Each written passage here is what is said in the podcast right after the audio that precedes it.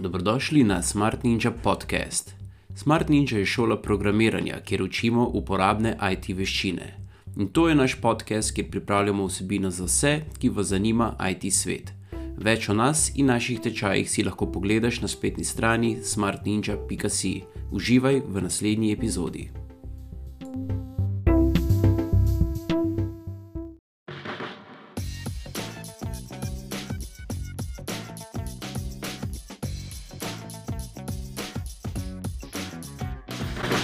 Pri Smart Ninji smo že konkretno zajadrali v vode intervjujev in podcastov. Danes bomo gostili drugega od naših inštruktorjev in sicer Janija Šumaka. Živijo, Jani. Hej, lepo zdrav. Živijo. Prvo, malo bolj klasično, klasično vprašanje bi bilo, na kratko, kdo je Jani Šumak, kako bi se opisal? Uh, opisal bi se, po mojem, kot zelo sproščen uh, kompulzivec po mojem, bi bila to najboljša varianta. Kar pomeni, da načeloma sem zelo sproščen, ampak ko me pa nekaj piči, pa tistega ne se spustim, pa sem pripravljen delati do petih zjutraj, tam da mhm. rešim tisto stvar. Potem imaš ta prav poklic. Tako da ja, začel, kako si mogoče začel tudi. Ja. Kako bi recimo pa opisal ta tvoj začetek z programiranjem? Kakšni so bili te tvoji začetki, prvi koraki?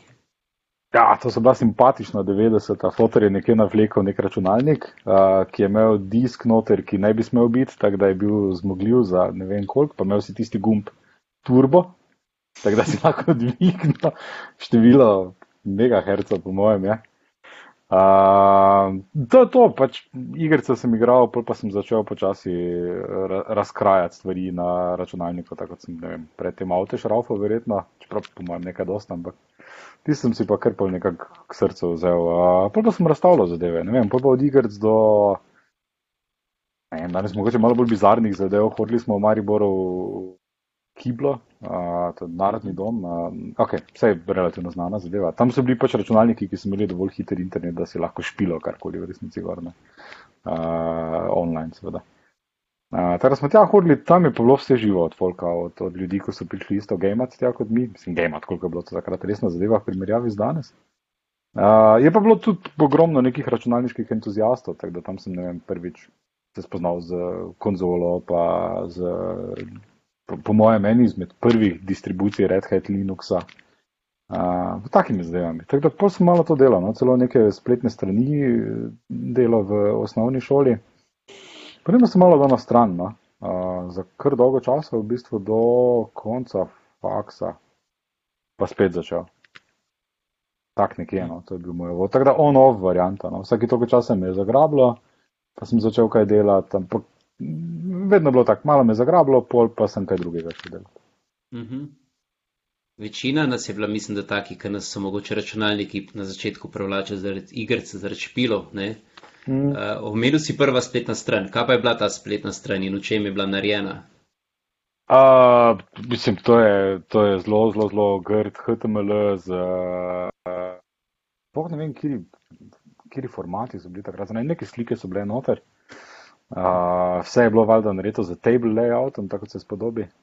Uh, mislim, da sploh ni bilo. Ja, JavaScript je bil že takrat, ampak je bil res v, v, v grdih, grdih začetkih, kar pomeni, da si delal ogromno teh flame gifov, pa teh zadev, da so črke gorele, pa si ti zdelo, da je to najbolj nora stvar na svetu.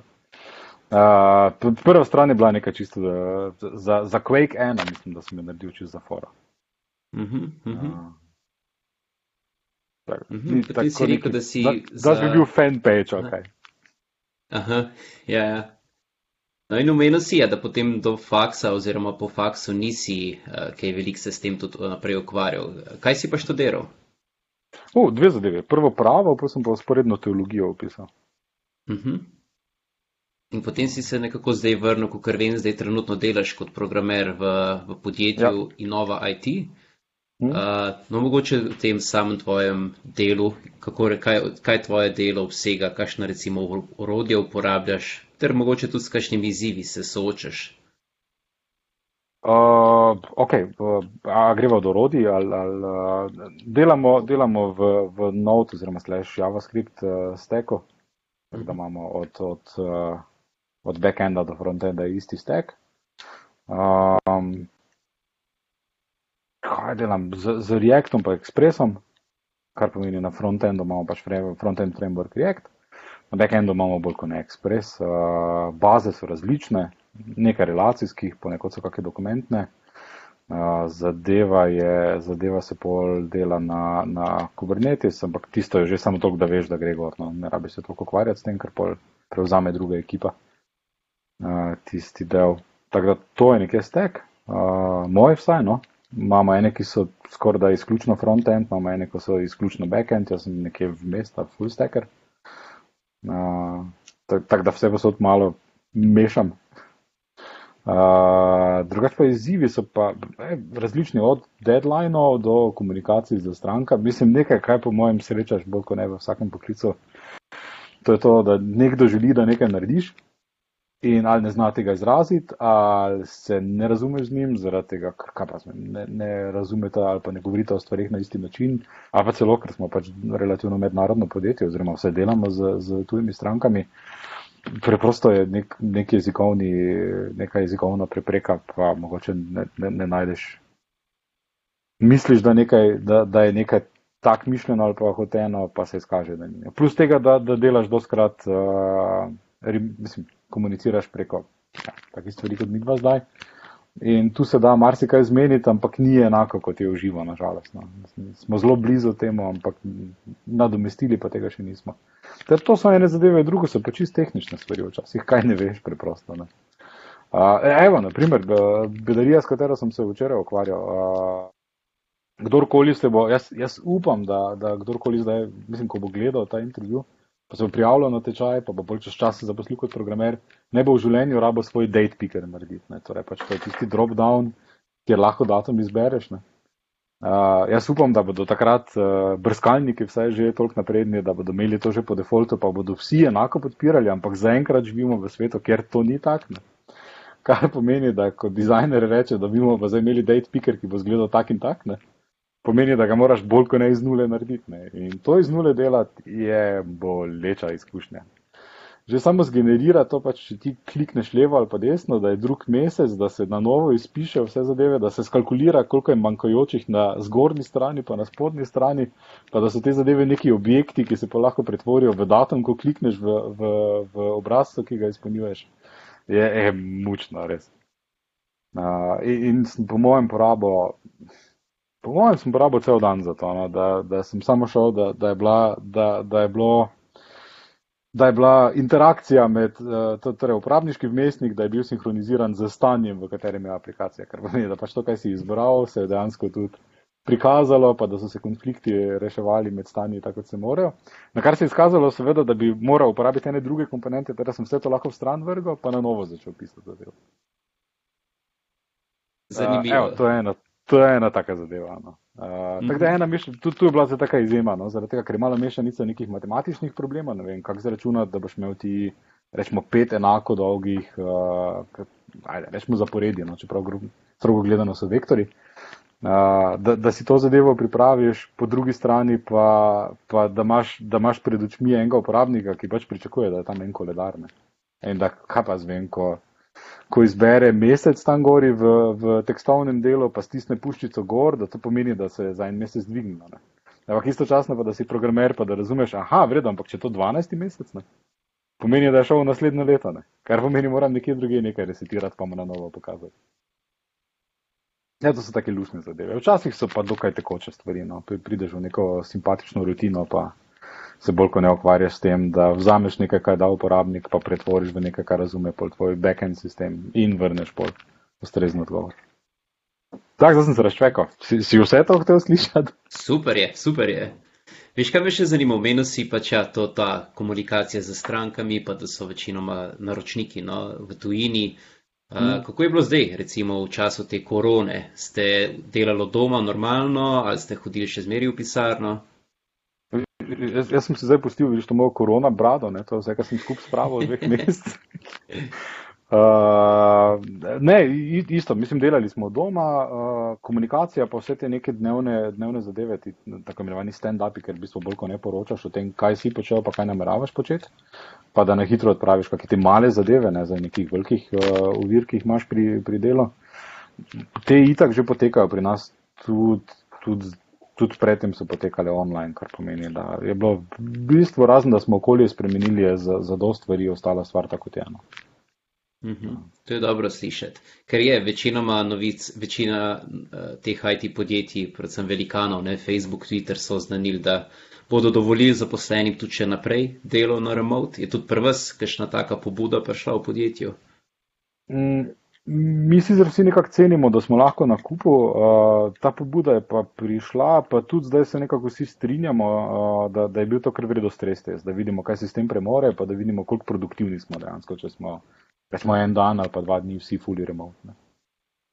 Uh -huh. Pa ste pripravljeni na drugi val, če bo. jo, ja, ja, ja, smo, ja, smo. Ok, super. No, na tvojem LinkedIn-u pa tudi sem videl, da si počel že marsikaj. Ne? Bil si poročevalec na RTV Slovenija, no to si bil prevajalec, kasneje si delal še v odvetniški pisarni. Kaj je bilo to? Je bilo to malo iskanje samega sebe ali te pač zanima tok različnih stvari? Na RTV sem delal, ko sem bil star 19 let, kar pomeni, da valjda je bilo to iskanje samega sebe, karkoli drugega. Zdaj, če bi rekel, ne, to sem hotel delati, to bi bila debela laž, verjetno. Ne, ne bolje bila fora. Pač bil je, bilo je študentsko delo, pa sem se prijavil, pa sem bil spred, pa se mi je zdelo super, pa sem kar malo ostal. Uh, pol od, od malega govorim nemško, pač na, naučil sem se, ne vem, televizija, vse te zdaj, pa pol sem tudi na tečaj hodil. Uh, in ko sem študiral teologijo, sem začel prevajati uh, strokovne tekste, ampak sem jih dovolj dobro prevajal, da pol, sem se enkrat tudi za, za foro, ne vem, neko študentsko delo prijavil, sem se na neko večjo agencijo. Uh, za nemščino pa, pa so me sprejeli, mislim, nisem tja šel z, z, z nekim pričakovanjem, da bom delal. Uh, pol pa mi je bilo tudi malo dovolj, pa sem šel delati v odvetništvo, dokaj sem izvorno študiral. Pol od tega sem bil celo še tajnik fakultete v nekem obdobju. Uh -huh. uh, potem, kar, pa... kar dolgo to pravniško kariero. Uh -huh. Relativno dolgo. No. In kakšna je bila pa ta pot od odvetnika do programerja?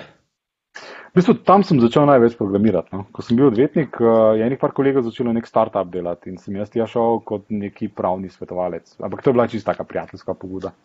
Uh, in me je zanimalo, kaj delajo programeri, pomalo sem se spomnil, kak sem jaz nekoč nekje pred davnimi leti to še počel.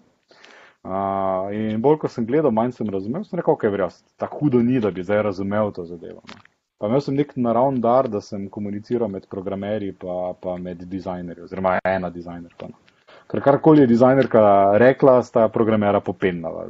In obratno karkoli sta dizajner, mislim, programera rekla, da se bo naredilo ali pa je možno narediti, je pa dizajnerka popenila zaradi tega, ker ona je imela drugo vizijo za aplikacijo. Mimo grede, za aplikacije ni bilo nič, pa tudi startupa ni bilo nič, ampak izkušnja je bila pa več kot lušna. No. Uh, ampak da sem lahko komuniciral levo-desno, no? uh, sem rekel, ok, vrejo, dajmo malo zvedeti. Zdaj, v dizajnu sem nekaj malega vedel, vse v tem smislu, kaj mi je všeč, pa kaj ne, pa kaj se mi zdi, da pali, kaj pa ne. Uh, o programiranju pa se pravim, razen pač teh občasnih uh, entuzijastičnih trenutkov, kaj dosti več nisem vedel. In sem se mič po mič začel učiti. No, po nekem čudnem srečnem naključju sem Python vzel v roke, uh, pa začel s Pythonom delati. Pa je tudi jezik, ki mi je še vedno najbolj pri, pri srcu. Uh, ampak pol od tam naprej. No. Uh, od knjig do tečajev, do česar koli. To, to je bilo kar pa zvem, davnega leta 2011 ali 2010 in od takrat dalje. Nisem nehal. No. In na eni točki mi je bilo jasno, da me ne zanima več samo, mislim, da me že dolgo več ne zanima samo komunicirati med, med dizajnom in programerjem, ampak da bi dejansko rad tudi kaj sam napisal. Mhm. In te izkušnje tudi danes, ki uporabljaš to, ko si rekel, da imaš, si bil čas most med ne, tehnično ekipo in mogoče oblikovalci. To danes v podjetju si ta most ali si zdaj čist programer in se samo ukvarjaš s kodom. Jaz sem zelo srečen, ko sem lahko samo programer, ampak glede na to, da sem prej delal pač vse kaj drugo, ja, valjda. Mislim, po, poprečnega programera, če daš na sestanek, ki traja več kot dve uri, bo začel delati GDI na računalniku. Jaz vsekakor ne bo sodeloval. No. Jaz imam pač iz javne uprave kilometrino, pa lahko sedim tudi po 5-6 ur na sestanku, pa bom preživel. Ne bom dobre volje zaradi tega, ne. ampak bom pa preživel. Pa celo po 6 uri bom znal celo kaj konstruktivnega vprašati. Uh, Kako sem prišel do tega zen stanja, ne bom povedal, pa tudi dobemo ne svetujem, da gre po tej poti, ampak zdaj sem tu, pa imam to lastnost. Ne, uh -huh. uh, Super. Sem hit, hitro upregli za to. No. Ok, vse sem se tudi sam pustil. Pač razumem, da je to neki skill, ko ga imaš ali pa ga nimaš. Pa se mi ne zdi, da je slabo, če ga nimaš, nisi nič boljši ali pa slabši programer zaradi tega. Super, ja, in kot inštruktor pri Smart Ninja si postal marca letos, ne, in nekaj let predtem pa si bil tudi sam eh, en od Smart Ninja tečajnikov. Kako gledaš mm. to prehojeno pot, mogoče, ko si šel od učenca pa potem do učitelja, inštruktorja? Uh, Meni men se zdi naravno, zaradi tega, ker sem enkrat bil, čeprav, če sem iskren, takrat, ko sem bil na tečaju, sem že res dost vedel. No. Uh, tako da ta tečaj je bil tudi delom, mislim, ni bil zdaj samo zaradi tega, da, da grem na tečaj, ampak je bila tudi malo moja slaba vest, ker se mi cel čas zdi, da ali nimaš pa tega formalnega, ne? za človeka, ki je dva faksa dela v nekem trenutku, dela pol nekaj, zakaj sploh nima, for, niti srednje šole nima formalne izobrazbe za to. Ne? Pa se mi zdi cel čas, da nekje bi mogel nekaj pol narediti, vse uradno. No? Tako da sem vse živo delal od nekih teh online tečajev, pa dejansko plačal pol za certifikate do tega, da zdaj delam doktorat iz umetne inteligence, zelo, zelo, zelo počasi sicer. Uh, pa, pa tudi to je bila pač ena izmed teh zadev. No? Tako da sem ogromno vedel, ampak po drugi strani se mi pa zdi logično, zaradi tega, ker približno vem, kak je, ko prvič napišeš. Ali pa se še spomnim, kak je, ko prvič napišeš par vrstic kode, pa zadeva za lov. Neko enkrat ta škatla, na kateri bolj ko ne znamo vsi samo prižgati, uh, ajde rečemo krom, pa iti na mail, pa Facebook, pa prebrati kakšne novice, zdaj naenkrat to zadeva, kaj te pač sili nekaj uporabljati, naenkrat postane orodje. Pa orodje, ki dela to, kar ti hočeš, ne? čeprav pač samo nekaj natisne v konzolo, pa to še ni nič, kaj te čaka, ampak je pa neverjetno občutek. No. Uh, res da, ne? in to opažam, da vsak dan pač ko delam, pa vsak dan, ko, ko moram nove stvari izvedeti, pa ko grem globlje v to zadevo, malo pozabljam ta prvotni čar. Ne. Kak je bilo, ampak še mi je na srečo dovolj svežno. Jaz razumem, da, jaz razumem, da ljudje, ko so, ne vem, šli v srednjo računalniško ali pa neko elektrotehnično, pa pol na faks dalje takoj, po, po mojem so že pozabili, kak je napisati tistih par prvih vrstic kode, pa biti navdušen, wow, kaj, kaj znam narediti, neverjetno, ne. ta svet ima smisel. Uh, zaradi tega, ker so že tako globoko noter v enih problemih, da, da pozabijo včasih in jih greš kaj vprašati in znajo biti, uh, ali pa se ti zdi, da so odrezavi zaradi tega, ker rečemo, preberi si dokumentacijo. In, in jih štekam, zakaj to pravijo. Zaradi tega, ker če jaz dobim kakšne začetniško vprašanje izven, rečemo, tečaja ali pa kaj takega, zdaj znam že tudi biti malo siten, pa reč, gledaj, prvo pogooglaj, pa ko si vse pogooglal, pa res nič ne razumeš, pridi nazaj pa me vprašaj. Uh, ampak se pravi, na srečo imam še ravno toliko tega, tega svežega spomina, da, da vem, kaj je. Pa zdaj mi je super, ko, ko, ko učim, zaradi tega, ker kako stvar zdaj že povem tako, da je samo po sebi omevna. Ne? In pa me vprašajo, pa sem jaz tako, čakaj malo, ja se res, ja se to ni logično, to ni samo po sebi omevno. Ne? To je nekaj novega, to je noro, zakaj bi kdo tako delal to? Aha, ok, vredo, dajmo dva koraka nazaj narediti. No, super, super. In zdaj tudi, kot učiš, ko učiš uh, tečajnike programiranja, ne, kje sam, mogoče tudi ti vidiš, kako ti je recimo programiranje pomagalo pri razvoju tvoje kariere in ne, kam vse te bo še to odpeljalo, kje vidiš te neke ključne prednosti, da znaš programirati. Mm, zdaj, govorimo poklicno ali sploh pač, da znaš programirati? Uh, da znaš programirati, ne poklicno, pač znanje programiranja. Ja mislim, če, da, da, da ne bom preveč filozofski, ampak težko najdeš, po mojem, da je ena stvar, ki ni povezana z, z programi ali pa, ali pa z, z, z nekimi aplikacijami. Pa ne govorim za o tem, kaj imaš na telefonu, ampak govorim preprosto, da, da se vsedeš v avto, pa se hočeš odpeljati do prijatelja na vikend, boš GPS prižgal. Ta GPS laufa nekje na nekih strežnikih, na nekem operacijskem sistemu, o katerem ti načeloma nimaš pojma, da obstaja. Ne. In se mi zdi, da dobiš malo pogled v svet, v katerem živiš. No. Vse to, kar je malo skrito pred tabo, ti postane jasno. Pa, rečeš, pa tudi, če ne greš naprej v, v, v tej zadevi, ti postane vse jasno. Aha, ok, vredo, razumem koncept, kako se zadeve naredi. Pa tudi mogoče se polno ustrašiš vsake te zadeve, ko rečeš, da umetna inteligenca bo nadomestila uh, ljudi, pa ne vem kaj vse, zaradi tega, ker vidiš, kako težko je. Rečemo, da narediš web development ena do konca ko prideš do konca, narediš tisto prvo spletno stran, vidiš, koliko je tu enih delov, ki se jih ne da avtomatizirati. Mislim, ja, se bo jih dalo na dolgi rok, ampak takrat, ko bomo to avtomatizirali, bomo verjetno imeli čist druge probleme. Kratka, koliko tu enih zadev moraš narediti, da dobiš eno zadevo, ki pač si ti zelo ponosen na njo, pa, pa si upravičeno ponosen na njo, ampak istočasno veš, da predo, ok, zdaj to v, v realnem svetu nima ne vem kakšne vrednosti. Ne? Za, da zgradiš naslednji Google, rabiš ogromno, ogromno več tega. Ne? Ampak ok, vse razumeš, kaj vse je treba narediti, tam, da prideš ti na Google homepage, ne? kaj še le, da imaš nek algoritem od zadaj. In tudi to mimo grede, ne?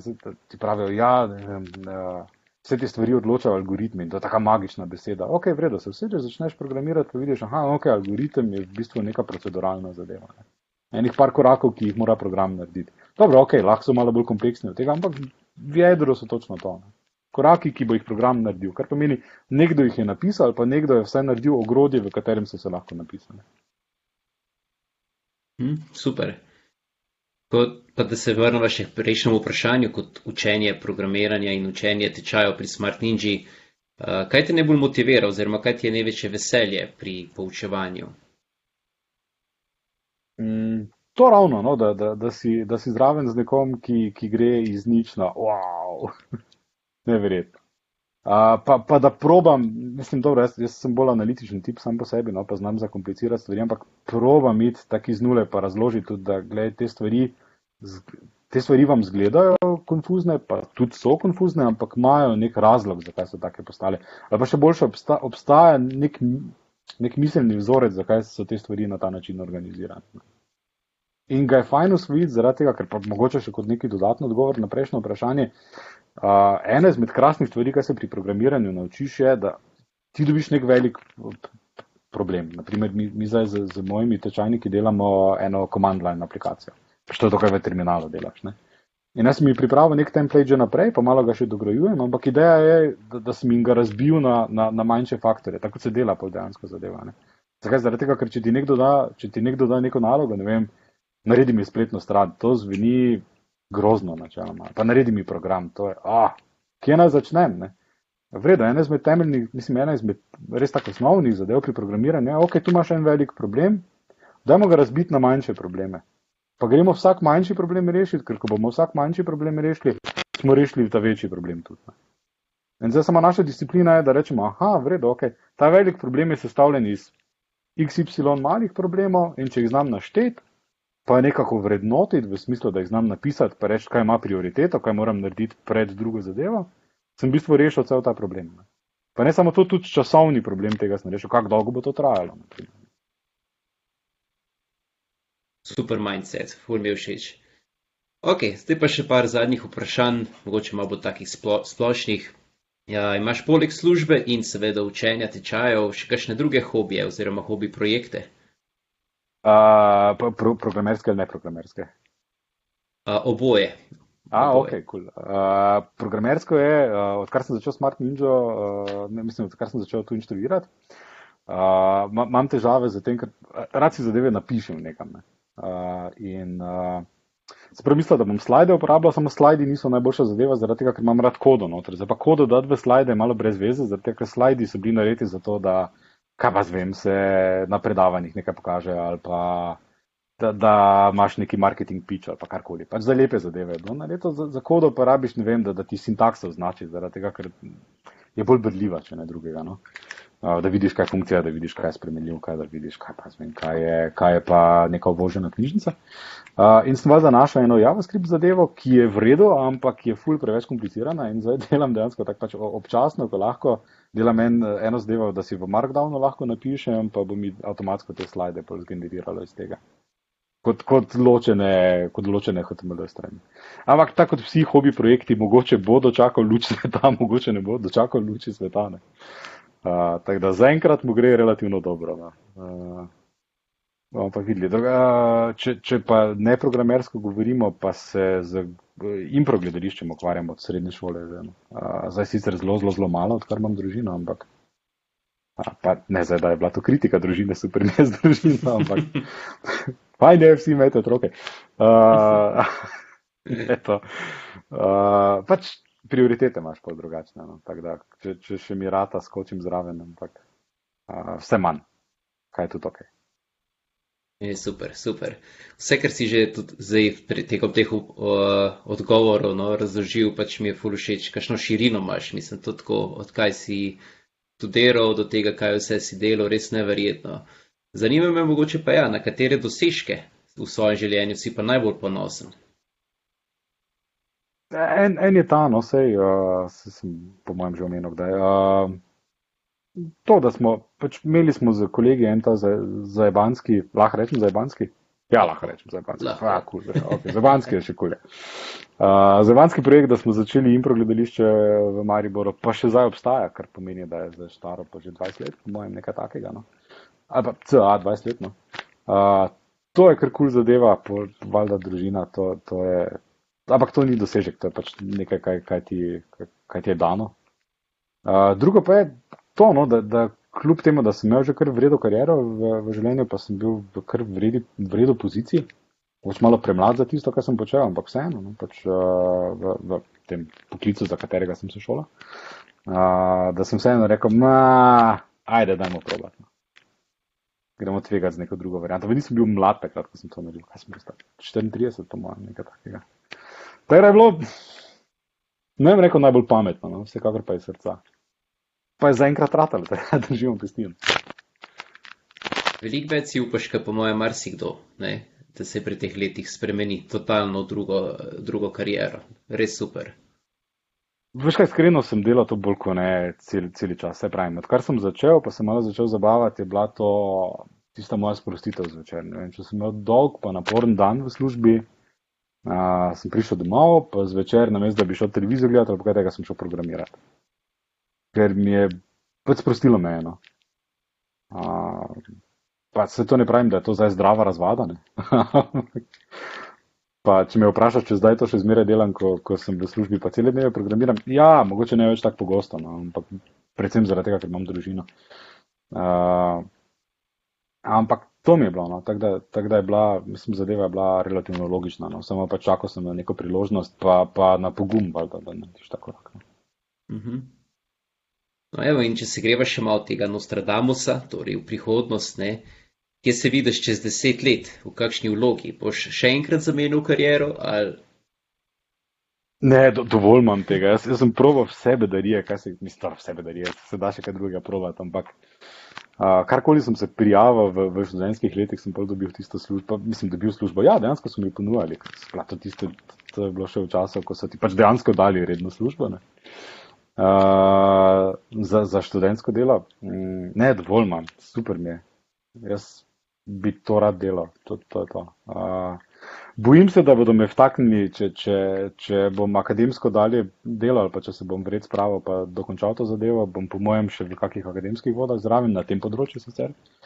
Ali pa kaj se tudi zgodi, zaradi tega, ker evidentno dosti govorim, pa evidentno znam komunicirati, pa imam nekaj izkušenj z tem da bom mogoče čez deset let kako menedžersko vlogo mogel prevzeti, ki, ki bo imela bistveno manj programiranja noter, no, ampak jaz upam, da še vedno vsaj nekaj.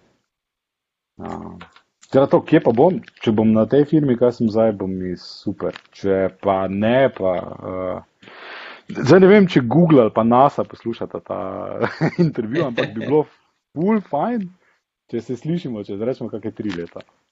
Uh mhm. -huh. No, super, super.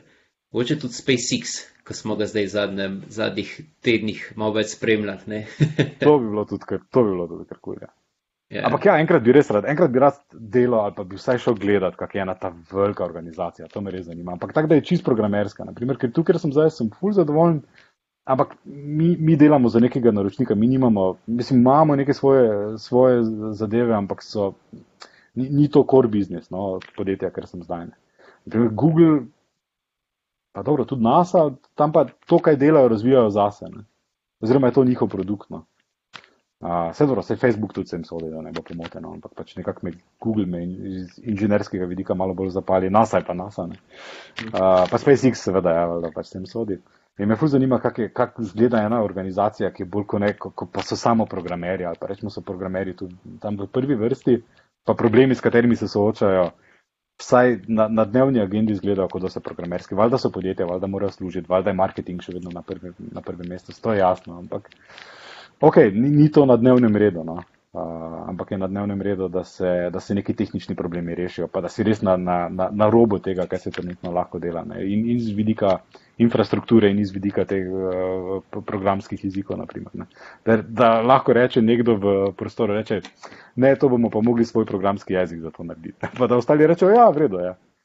To je nekaj, kar pač, to je pač nekaj, kar ne vem, v večini podjetij ne moreš narediti. Zaradi tega, ker tudi pri nas, ne glede na to, kak je, če hočeš neko zadevo iz nule narediti, naprimer, da ne boš neke knjižnice uporabljal, ja, se lahko, ampak ne na račun tega, da, da se zdaj zavleče roke. Ne. Če res ni ne vem, kako hudo utemeljeno.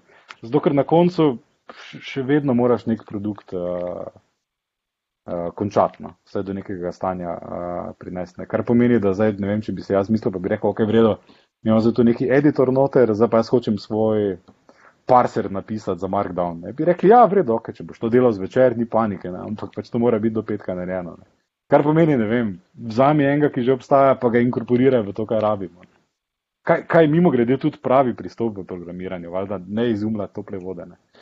Uh, ampak je vseeno, po mojem, fajn na podjetju, ker pa, ker pa prideš do problemov, ker pa moraš toplo vodo izumljati. Uh mhm. -huh. Super. No in še, še zadnje vprašanje in tega se veselim, ker si omenil, da pišeš tudi doktorat iz umetne inteligence. Če pogledamo svet, oziroma kakšen je po tvojem mnenju bo svet, kakšen bo po tvojem mnenju svet čez deset let, mogoče tudi v luči ne sedanje korona krize. Jaz upam, da nas ne bo, mislim, če nas ne bo strah premamo, bo ful zanimivo zaradi tega, ker ena izmed glavnih zadev, kaj me je v, nazaj pripeljala v programiranje, ne samo to, pač, da je res zabavno to delati, ampak da dejansko, za razliko od vsega, kar sem predtem študiral, je, da dejansko nek svet ustvarjaš na ta način. Pa ne zdaj, da to delam zdaj v tem trenutku, ampak sem pa dosti blizu temu, kakorkoli. No, tu se dejansko svet ustvarja, nekaj, kaj, kaj še ne obstaja. In tudi rešitve, ko bomo, ko, do katerih bomo prišli, ne vem, sploh z umetno inteligenco, pa ne zdaj, da je to tako hudo napredno zadeva, bodo neverjetne. Uh, ene stvari se nam bodo tako poenostavile, da, evo, naprimer, jaz, kaj, kaj jaz želim pri, pri mojem doktoratu narediti, pa še enkrat, jaz ne vem, če bom imel disciplino, pa čas, da bom ga dokončal, kadarkoli, ampak želja je, da bi naredil, da bi naredil uh, na koncu neko aplikacijo, ki, ki bi bila sposobna razumeti povezave med pravnimi besedili nekaj, je v tem trenutku absolutno ne mogoče narediti. Zaradi tega, ker ne, ne moreš iskati po tekstu, ker ti tekst sam po sebi nič ne pove. Ne moreš se zanesti, da bo en človek imel celoten pravni sistem v glavi, zaradi tega, ker ga je preveč. Pa, pa samo za Slovenijo, kaj še reče, kaj bolj kompleksnega, pa kaj večjega, kjer je tega še več. In, in zmožnost, da, da boš lahko ti te zadeve, vem, na, na tem primeru, da, da bi ti lahko rečemo, da, da bi ti imel v mislih predlog nekega zakona in ko bi ga začel ti pisati, bi, bi, ti, bi ti ta zadeva pomagala na ta način, da bi rekla, ok, vredo, če boš to napisal, boš plival na, rečemo, XY drugih nekih zadev ali pa je celo v nasprotju z nečim takim. Je, je noro, koliko bolj produktivni bomo lahko, če bomo te zadeve imeli. Teraz, ta svet mi je vreden. Svet, ko bomo se pa bali cel čas, kaj se nam bo zgodilo, pa se bomo začeli zapirati, pa bomo imeli neke ločene internete, pa tekmovali drug z drugim, ta, ta svet pa upam, da ne bo do njega prišlo. No. Tudi jaz, tudi jaz. Super. Jani, v tem trenutku bi se ti zahvalil za tvoj čas in za res zelo, zelo zanimive odgovore. In ja, hvala, ker si bil naš drugi gost v Smart Ninja podkastu in se slišimo naslednjič. Adijo. Hvala za vabilo. Adijo. Ja.